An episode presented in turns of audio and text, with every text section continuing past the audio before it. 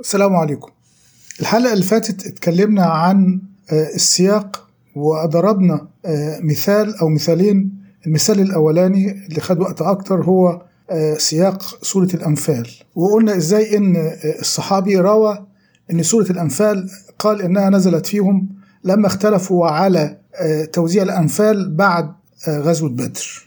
عايز أقول بإنه السورة ممكن يكون فيها أكتر من سياق. لكن خلينا الأول نتعود على السورة ذات السياق الواحد أو نتعود على السياق الواحد سواء خد السورة كلها أو جزء من السورة وإزاي هذا السياق يكون له تأثير أو ظلال على فهمنا للتفاصيل والمعاني. يعني مفهوم بأنه السور الطوال هيكون فيها أكثر من السياق وتنتقل السورة من سياق إلى سياق. ولكن يظل العلاقة قائمة بين السياق وبين التفاصيل. طيب وعشان نكمل المثال بتاعنا في سورة الأنفال حوالين علاقة الجزء بالكل علاقة المعنى اللفظي مثلا بالسياق العام هنتكلم عن الآية 2 اللي ربنا سبحانه وتعالى يقول فيها إنما المؤمنون الذين إذا ذكر الله وجلت قلوبهم وإذا تليت عليهم آياته زادتهم إيمانا وعلى ربهم يتوكلون. طبعا ممكن يكون مثلا من ضمن المعاني اللي محتاجة تتوضح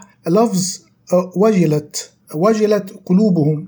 وبغض النظر دلوقتي عن الخلاف اللي موجود في التفسير وفي المعاجم حول كلمة وجلة منهم من قال عنها الخوف ومنهم من قال عنها نقيض الطمأنينة ومنهم من قال عنها الفزع. بغض النظر دلوقتي عن الخلاف لأنه إحنا قضيتنا علاقة المعنى بالسياق. وعشان الموضوع ده ما يعطلناش كتير هنتفق أو هنصطلح مع من سمى الوجل خوف. فالرازي بيذكر في تفسيره بأنه الخوف على قسمين باعتبار بأن الوجل هو الخوف. فبيقول إن الخوف قسمين قسم خوف من العقاب وقسم الآخر هو خوف العظمة والجلال. هي القضية هنا إنه إن بعض المفسرين بيفهموا قوله سبحانه وتعالى إنما المؤمنون الذين إذا ذكر الله وجلت قلوبهم بيفهموا هذا المعنى أو هذا الوجل على مطلق الذكر. يعني بيخرجوا الآية من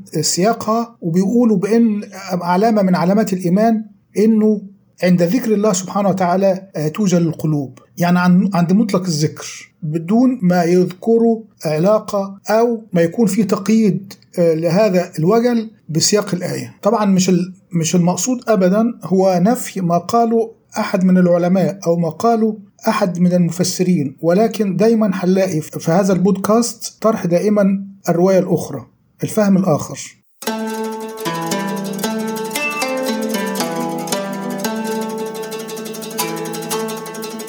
نكمل اللي كان بيقوله الرازي قال إن الخوف على قسمين خوف العقاب وخوف العظمة والجلال. ثم يقول أما خوف العقاب فهو للعصاة وأما خوف الجلال والعظمة فهو لا يزول عن قلب أحد من المخلوقين. فهو ببساطة بيقول بإنه خوف العقاب بيأتي في قلب الناس إما خوفا من العقاب وده بيكون لمن ارتكب معصية أو مخالفة أو مقبل على المعصية أو مقبل على المخالفة والخوف الآخر هو الخوف العظمة والجلال المرتبط في قلب الإنسان بعظمة وجلال الله سبحانه وتعالى وحاجة الإنسان إلى الله واستغناء الله سبحانه وتعالى عن الإنسان أو عن المخلوقين.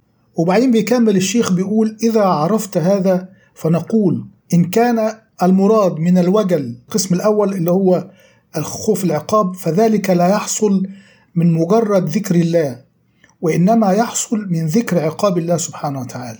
وهذا هو اللائق بهذا الموضع. يعني الشيخ بيقول بانه الخوف الحاصل من ذكر العقاب أو من تصور العقاب هو اللائق بهذا الموضع اللي هو موضع ما جاء بعد غزوة بدر واختلاف الصحابة على الأنفال.